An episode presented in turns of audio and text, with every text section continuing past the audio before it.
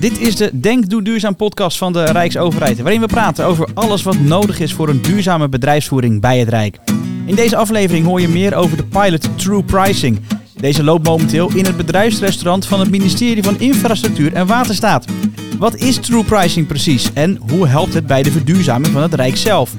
Ik ben Peter van Emden en te gast vandaag in onze uitzending zijn Dennis van Bavel. Hij is chef-kok vanuit de organisatie ISS en uh, werkzaam bij het bedrijfsrestaurant Ellie's op de Rijnstraat in Den Haag. Ja, dat klopt. Goedemiddag. Dat klopt. Gelukkig. Um, Adrie Huiszoon, uh, adviseur duurzaamheid bij het ministerie van Infrastructuur en Waterstaat. Ja, dat klopt bijna. Ik ben vanaf 14 juli ben ik uh, pensionado. Heel goed. En namens de, het, het Rijksbrede programmateam Denk Doe Duurzaam schuift dit keer Suzanne Vermeer aan. Hi. Hi, nou, welkom allemaal.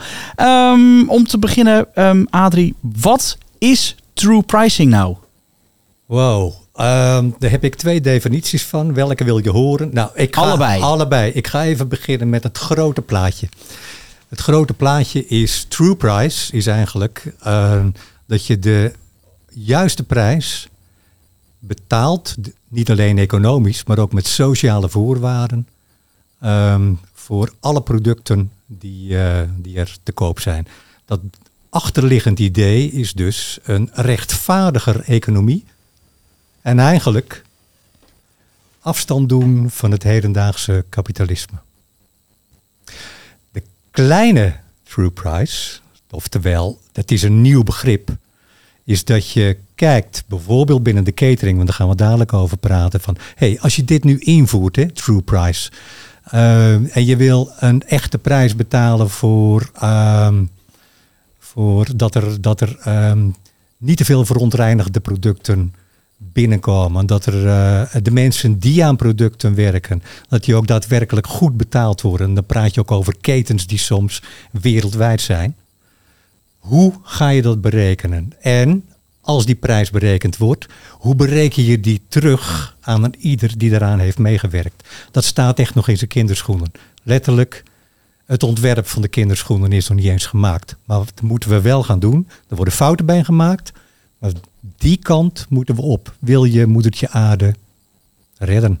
Dennis, jij bent bezig met een, uh, met een pilot. Ja, klopt. Um, wat is die pilot uh, precies? Troeprijs, wat het eigenlijk inhoudt, wat we gedaan hebben op de Rijnstraat 8. Dus we hebben van 15 uh, producten die we dagelijks voeren in ons bedrijfsrestaurant. Dat kan zijn een, een pak melk, een cupje filet américain, een broodje kaas, een broodje vleeswaren, uh, een bakje yoghurt, een kroket, een frikandel, uh, een, de mayonaise die erbij komt.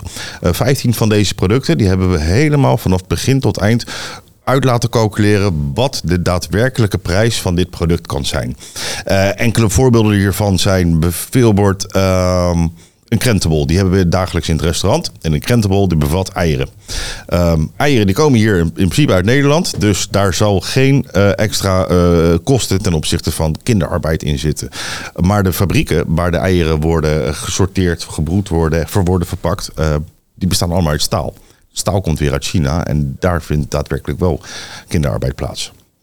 Dus je hebt het echt gewoon eigenlijk tot, tot in het extreme doorberekend? Ja, uh, echt de hele wereld over. Tot aan van de boeren uit uh, uh, Zuid-Amerika tot aan de, de, de staalfabrikanten in China. Ja, absoluut. En het mooie is, als ik even naar ja, aanvullen. Natuurlijk. Dennis, dat is dat die pilot, die kan juist zo goed gedaan worden binnen Rijnstraat 8, omdat we hier een aparte overheidsconstructie hebben. Hè. We zijn een PPS-constructie, ja. een DBFMO. Oftewel, uh, er is veel vastgelegd in grote contracten. Ja. Maar als er een goede klik is, en die hadden we vanaf het eerste moment, dan kunnen we pilots doen binnen dit gebouw. Ja. Dat gaat veel moeilijker binnen andere rijksoverheidsgebouwen. Die zitten vast aan categoriecontracten. Dus um, eigenlijk is het ook weer een oproep om te kijken wanneer deze True Price in september start hij weer. Op het eind daarvan, januari volgend jaar, om aan een categoriemanager van catering of van um, conceptieve dienstverlening, om, om die binnen te halen, te kijken wat de effecten daarvan zijn voor andere rijksoverheden. De pilot is natuurlijk bezig, er wordt, ge, er wordt geëvalueerd. Um, als je als je nu naar de tussentijdse resultaten kijkt, wat zijn er dan, uh, vallen er dan dingen op? Ehm, ja, wat er voornamelijk opvalt is... Nou, we zijn eigenlijk tijdens de pilot altijd wel blijven evalueren. Dus ik deed eigenlijk wekelijks deed de cijfers monitoren met ehm, hoeveel restaurantbezoekers hebben we gehad. Hoeveel van die restaurantbezoekers hebben daadwerkelijk producten afgenomen waar we de troepprijs voor gecalculeerd hebben. En hoeveel mensen zijn er bereid geweest om die troepprijs dan te betalen. Dan zagen we echt in nou, de eerste weken een, een hoog percentage hadden van mensen die hier uh, aan wouden bijbetalen. Uh, en om vervolgens eigenlijk richting de einde, het einde van, van, van flight 1 zijn we gestrand op 11, 12 procent van de totaal verkochte producten waar de troepprijs van is betaald. Um, en dat lijkt weinig, uh, alleen ja, ik vergelijk het altijd zo. Als elke dag um, bij dezelfde winkel boodschappen gaat doen en er staat dezelfde collectant, altijd, ja, dan gooi je ook niet altijd bij binnenkomst en bij uh, verlaten van een winkel geef je wat. Dus vind ik het geen slechte cijfers die we eigenlijk behalen hier op onze locatie. Hey, jullie zijn bezig met die, uh, met, met die pilot. Maar wat levert het nou de klant of in ieder geval de Rijksambtenaar nou concreet op in het restaurant? Uh, nou, hopelijk. Want onze eerste intentie is echt informatievoorziening. Um, want um, ja, ik heb het ook wel eens met Adi erover gehad. En eigenlijk ook wel op de lunchlezing hoor. Uh, je kan bijvoorbeeld bij ons in het bedrijfsrestaurant Ellis... kan je de goede keus maken door te zeggen van... ik ga de broodje kaas nemen en ik ga de troepprijs betalen. Of dat je zegt, oh jeetje, wat zitten er veel verborgen kosten in de filet americain ik ga een ander broodsmeersel nemen. Uh, alleen onze intentie is echt om de mensen te informeren van wat er dus allemaal gaande is achter producten. Ja, ik was benieuwd um, of jullie dat ook mee hadden genomen in de evaluatie. Dus uh, afgezien van het feit dat er een true price is betaald of niet, uh, heeft, hebben de medewerkers ook kunnen laten horen uh, dat ze de boodschap hebben ontvangen. Ja, zeker. We hebben nu, zeg maar, nou, nu flight 1 erop zit. Dus de eerste vier maanden gedaan hebben we. Hebben we twee, ja, drie keer hebben we geëvalueerd. Twee keer met een, hetzelfde externe bureau. Uh, waarbij er uh, uh, dames en heren in het restaurant rondliepen en we die gevraagd hebben om een enquête in te vullen. Met hoe zijn ze tot deze informatie gekomen um, en wat ze ervan vonden. Um, er zijn vanuit INW zijn er ook nog vraagstellingen geweest. Is er een mailbox is er geopend? En via mijn medewerkers natuurlijk ook uiteraard. Hebben, proberen we op zoveel mogelijk manieren aan de informatie te komen. Of we daadwerkelijk wel bij de eindgebruiker komen, ja. ja. Ja, ja, omdat je zei, daar is ook echt de winst te behalen hè, bij de bewustwording. Ja, vind ik absoluut. Want um, de keuzes die je bijvoorbeeld hier zo bij mijn bedrijfsrestaurant maakt, um, ja, die keuzes kan je nog een keer maken wanneer je s'avonds nog een keer je eten gaat uh, nuttigen. Wanneer je het weekend uit eten gaat. Maar het, is, het heeft niet alleen betrekking op eten. Het heeft een, eigenlijk al onze alledaagse producten die we gebruiken, heeft het toepassing. En, en ja, dan is het bij mij niet het, het voornaamste dat mensen de extra prijs willen betalen voor het broodje kaas wat ik verkoop. Dat is niet mijn uh, primaire doel, nee. Nee, als ik het zo jou, jouw doel is echt die bewustwording van, joh, alles heeft een true price en denk daar ook bij alles eens, eens over na. Het, is al een paar keer ter sprake gekomen. Uh, er is een, door INW een uh, lunchlezing georganiseerd samen met ISS over de pilot. Michel Scholten was daar gastspreker. Hij is expert op het gebied van true pricing en zijn bedrijf Impact Institute heeft ook voor INW de producten die aan de pilot meedoen doorberekend. Tijdens zijn presentatie sprak hij over systeemacupunctuur en, en wat hij daarover zei, dat gaan we nu eens eventjes beluisteren om werkelijk te verduurzamen, dat kan je zien als systeemacupunctuur. We hebben allerlei punten waar pijn zit, dat eigenlijk een representatie is van schade. Vervuiling, uitbuiting. En um, als je de informatie hebt over wat die uh, vervuiling of schade is, en ook als je het in een economisch relevante um, taal hebt, dan kan je ook werkelijk de economie gebruiken voor verduurzaming. Ja, Susanna, um, welke drukpunten zie jij vanuit het programma Denk Doe Duurzaam voor het uh, verduurzamen van de bedrijfsvoering? Ja, je hoort hem al zeggen, hè? de, de systeemacupunctuur. Er zijn pijnpunten. Die, dat ik denk dat het ten eerste belangrijk is dat we die identificeren. Dat is ook waar, waar het programma Denk Doe Duurzaam uh, uh, zich hard voor maakt. Dus het nastreven van duidelijke en meetbare doelen. breed inzicht hebben hoe we ervoor staan. En uiteraard ook een podium bieden voor belangrijke en in, inspirerende initiatieven. Want het programma heeft daarin een, een, een, nou ja, meer een begeleidende rol. Want de ministeries, die, uh, zoals INW, uh, doen het natuurlijk zelf. En um, op welke punten ligt dan op dit moment de focus daarvan? Rijksbreed hebben we vier doelen afgesproken, waaronder klimaatneutrale bedrijfsvoering, minder grondstoffen gebruik, dus circulair, uh, arbeidsparticipatie en sociale voorwaarden. En um, wat ik merk is dat we een beetje in een overgangsfase zitten. Waarin het in eerste instantie heel belangrijk was om uh, nog de boodschap te verkondigen. Dus te zeggen dat duurzaamheid is belangrijk en dat op allerlei tafels te brengen. Zie ik nu echt wel een shift naar hoe kunnen we er nou voor zorgen dat die doelen nou ja, worden vertaald naar maatregelen. Um, en hoe kunnen we die maatregelen ook daadwerkelijk uitvoeren. Dus hoe kunnen we ervoor zorgen dat het wat we hebben opgeschreven op papier, dat we dat ook echt gaan doen. En waarin gaat het al goed? Je mag uh, zo meteen op reageren, Adrie. Waarin gaat het al goed en waarin kan het nog beter op het gebied van verduurzamen? Um, ik denk dat we op verschillende niveaus uh, bezig zijn. Maar ik zie wel echt, uh, zeker als het gaat om CO2-reductie, maar ook uh, circulariteit, um, zie ik echt wel voortgang.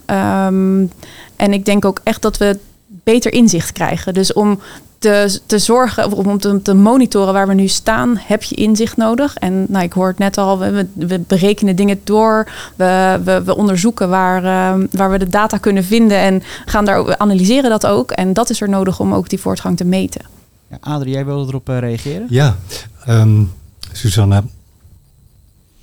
Vind jij dat er genoeg urgentie zit, rijksbreed, hè? Als je kijkt hoe we, hoe we dingen aanpakken. 2030 moet de Rijksoverheid bijvoorbeeld klimaatneutraal zijn.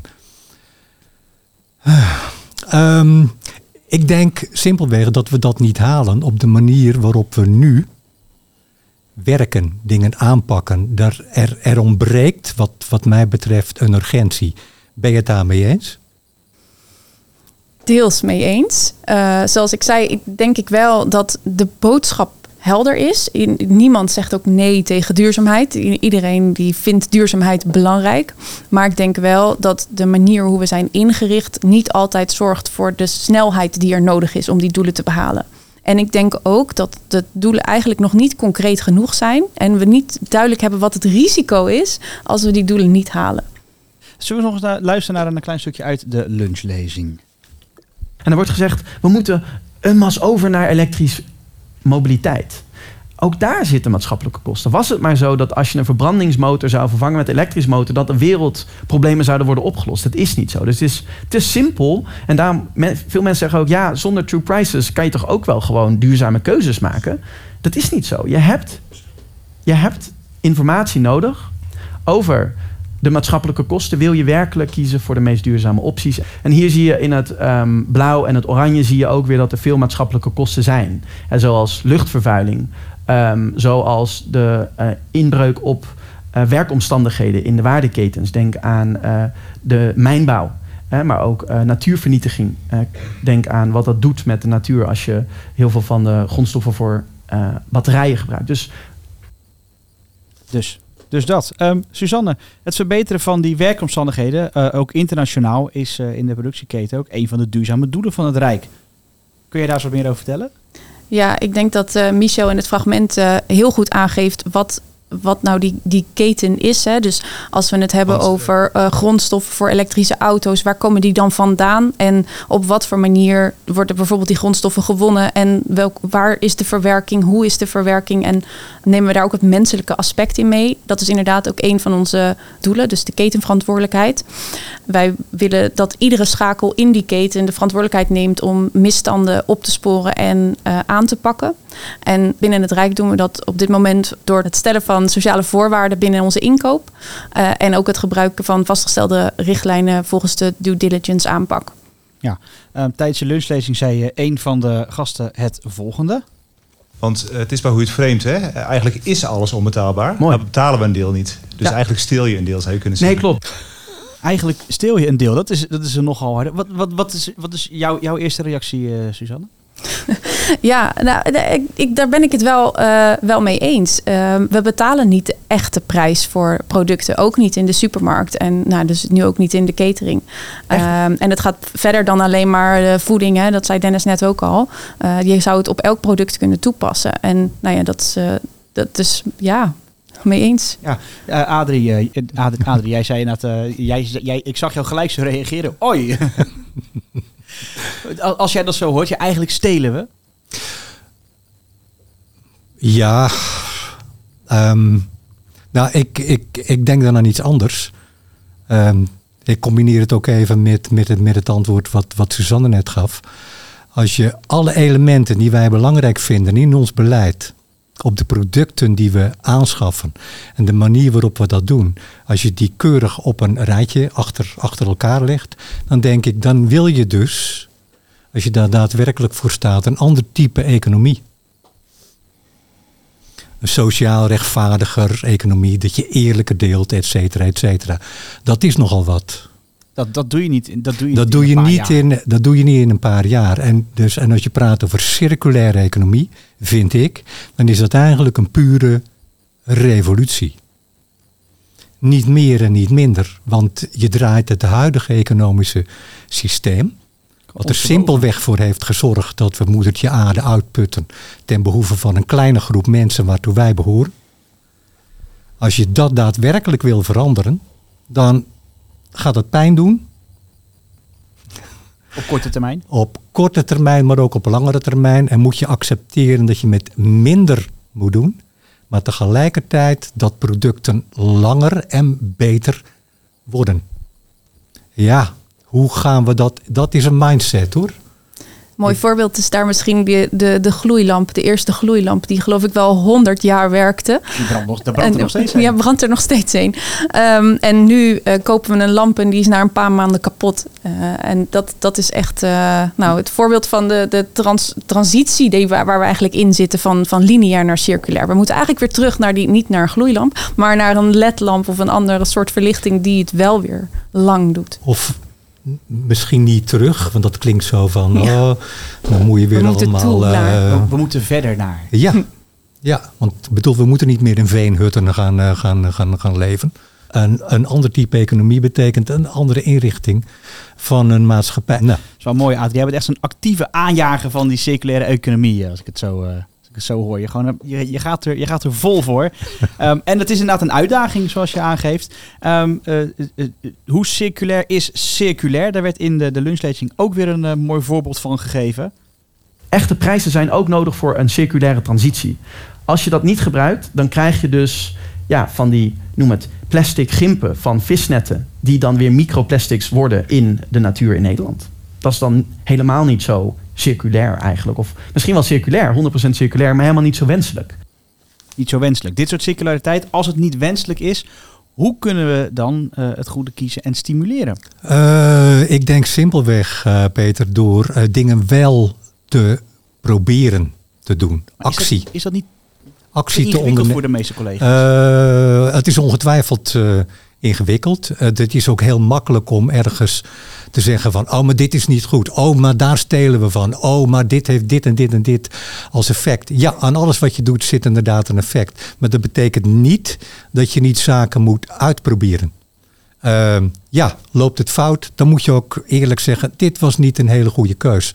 Ik vind zelf bijvoorbeeld de transitie van de verbrandingsmotor hè, van de deux zeg maar, naar, naar een elektrische auto. Ja, er zitten ook heel veel nadelen aan. Ja, hier, Er zitten ook voordelen aan. Je moet kijken waar we uiteindelijk uitkomen. Niks doen is geen optie. Dat, is, eh, dat, dat kan ik alleen maar beamen. En volgens mij de andere mensen hier aan, eh, hier aan tafel ook. Dennis, die pilot, hij gaat weer starten. Ja, klopt. De eerste pilot was in 2019. Die heeft drie weken geduurd. Eh, de pilot die we nu in 2023 aan het doen zijn, die zit in twee fases. We hebben de eerste fase hebben we eh, voor de zomervakantie afgerond. Die heeft vier maanden geduurd. Zijn we eigenlijk gaan evalueren, vooral wat de feedback was van de eindgebruikers, van de mensen die in het restaurant kwamen. Daar zijn bijvoorbeeld heel veel vragen over geweest, over de daadwerkelijke calculatie van een pak melk. Wat is dan die echt die milieubelasting die erin zit? Ehm, die hebben we nog een keer onder de loep genomen, achter de schermen. Eh, die, hebben, die communiceren ook terug middels onze ka- Dus die zullen online en in het bedrijfsrestaurant terug te vinden zijn. Ehm, en wat we anders gaan doen, om een voorbeeld te noemen, wat er best wel vaak terugkwam van mensen in het bedrijfsrestaurant, dat ze toch een soort van sociale druk voelden op het moment dat ze in, eh, in spitstijd eh, bij de kassa stonden, waarbij gevraagd werd door iemand van mijn collega's, wilt u de troeprijs betalen? Eh, waarbij er bijvoorbeeld ehm, de collega voor hun wordt gezegd, eh, ja, die betaal ik graag. De collega daarachter wordt ook gezegd, ja, die betaal ik ook graag. mensen voelden toch een druk om de, dan dit ook te gaan betalen. Terwijl ze misschien nog niet zeker wisten wat het inhield. Of, hier, of ze hier aan mee willen doen. Dus we gaan nu nu exper- experimenteren. En we gaan het niet meer vragen bij de kassa. Ehm, ik ga mooie eh, flyers eh, laten maken. Die zet ik neer bij de kassa. Waarbij de mensen het zelf kunnen aangeven als ze hier willen, aan willen meedoen. In de pilot zei eh, Michel iets moois over eh, het dagelijkse kopje koffie met of zonder wolkje melk dat ons eh, allemaal verbindt. Luister even mee. Hier betaal je dus 8 cent meer voor koffie als je de sociale en milieukosten meeneemt voor die, nou ja, bijvoorbeeld die koffieketen. Dit is koffie uit Ethiopië. Kinderarbeid is daar bijvoorbeeld ook echt onder verdiening. Ehm, voor koffie van, met koeienmelk, een cappuccino, zou je dan ehm 28 cent erbovenop moeten tellen. En voor havermelk 11 cent. Dus dan is havermelk eigenlijk een ja, verstandiger, financieel verstandiger keuze. En dat is een prikkel die je dan geeft ook aan mensen die worden dan eigenlijk niet gestraft voor een duurzame keuze. Wat je dus wel vaak ziet. Je ziet vaak een opslag voor eh, plantaardige melk. En dat doen we dus hier juist niet. Hier geven een opslag voor koeienmelk. Suzanne, wat zijn nou eh, prikkels die Rijksambtenaren krijgen voor het maken van een duurzame keuze op het werk? Want het Rijk koopt veel in hè, en alle inkopen samen die kunnen best een hefboom zijn voor verduurzaming, lijkt mij. Zeker, ja. Ik denk eigenlijk dat er nog eh, te weinig prikkels eh, zijn voor, eh, voor de Rijksambtenaren. Ehm, het mooie aan catering is dat de gebruiker natuurlijk zelf eh, zijn lunch haalt en betaalt. En dus ook die keus kan maken. Maar als je het hebt over de andere inkoopcategorieën, dan weet de gebruiker vaak niet ehm, wat, wat de echte kostprijs is. Ehm, misschien een mooi voorbeeld is daarvan een, een dienstreis maken. Dat, dat gebeurt af en toe nog eens met het vliegtuig. Maar in het systeem waar je de vlucht boekt, zie je vaak niet terug dat zo'n reis bijvoorbeeld beter met de trein gemaakt kan worden. Dus die prikkels zou je nog willen toevoegen? dan? Heel graag. Heel graag, ja. Ja, ja, en hetzelfde geldt natuurlijk voor eh, nu we hybride werken, maak je elke dag de keus of je naar kantoor gaat en hoe je naar kantoor gaat. Ja, daar zitten natuurlijk ook wel eh, mogelijkheden. Mag ik het nog wat scherper stellen? Mhm. We hebben als Rijksoverheid doelstellingen. Hè? We barsten van de duurzame doelstellingen. Even overdreven. Oké, als we die zo belangrijk vinden en we zijn werkgever, waarom laat je dan de verduurzaming van je bedrijfsvoering over aan de individuen? Van wat kan de individuele ambtenaar, hoe verleid je die? Maar simpelweg te zeggen, joh, als jij hier werkt, dan is er dus geen vlees. Dan hebben we geen koeienmelk. En als je dat lekker vindt, dan ga je maar buiten de deur. Ja, dat zou inderdaad een heel goed voorbeeld kunnen zijn. Dan, hou je ook, eh, dan heb je beleid. Eh, en dat kan je daadwerkelijk ook uiten.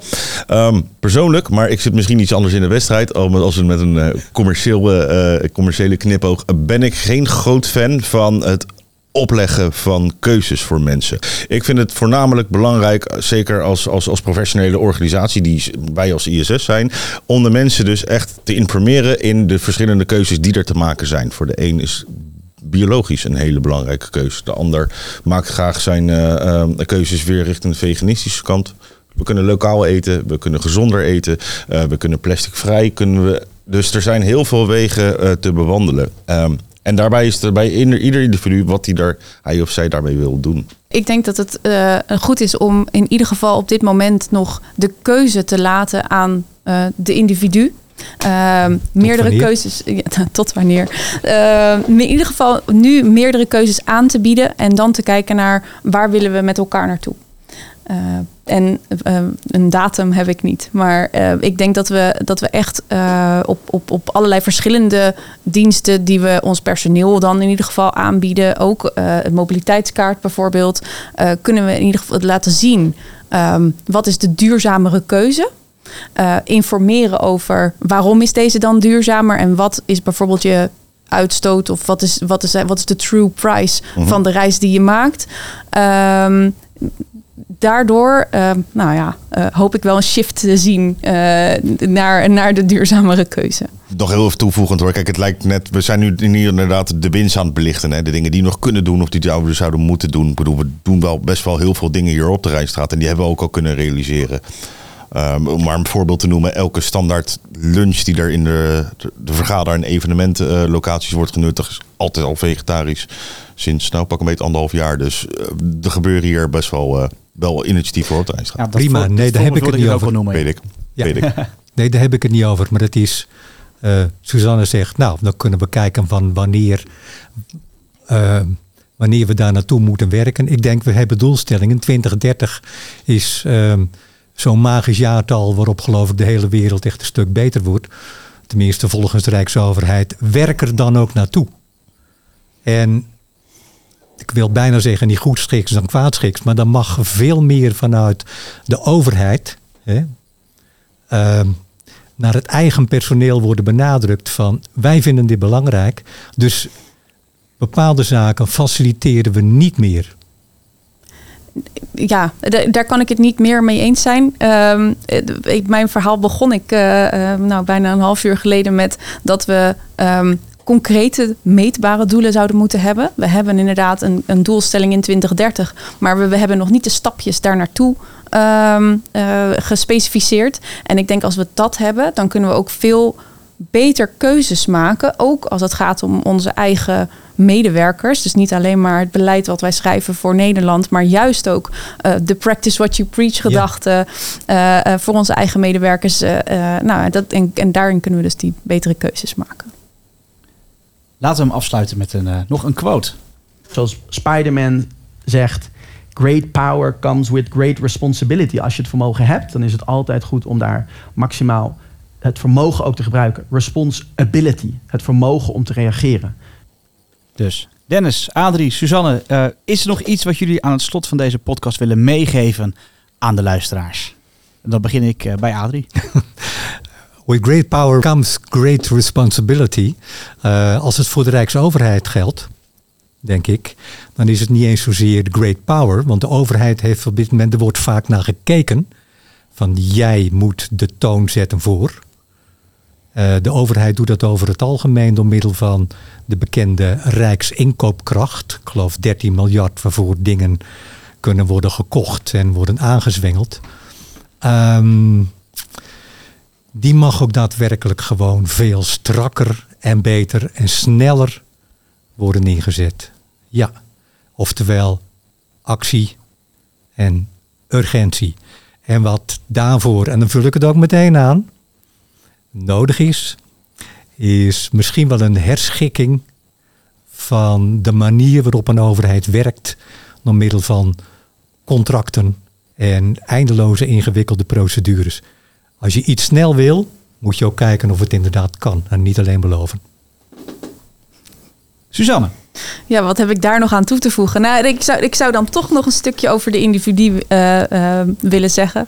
Uh, want ik denk dat als wij allemaal in acht nemen ehm, dat wij de natuur nodig hebben, wij onderdeel zijn van de natuur, maar de natuur ons echt niet nodig heeft.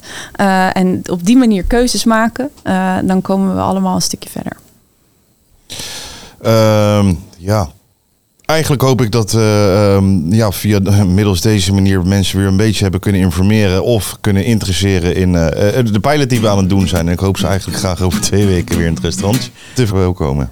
Heel goed, heel goed. Hey, dank jullie wel voor uh, mooie gesprek weer. Dit was aflevering 5 van de Denk Doe Duurzaam podcast. Wil je nou meer weten over het programma of over de verduurzaming bij het Rijk um, of over het onderwerp van vandaag?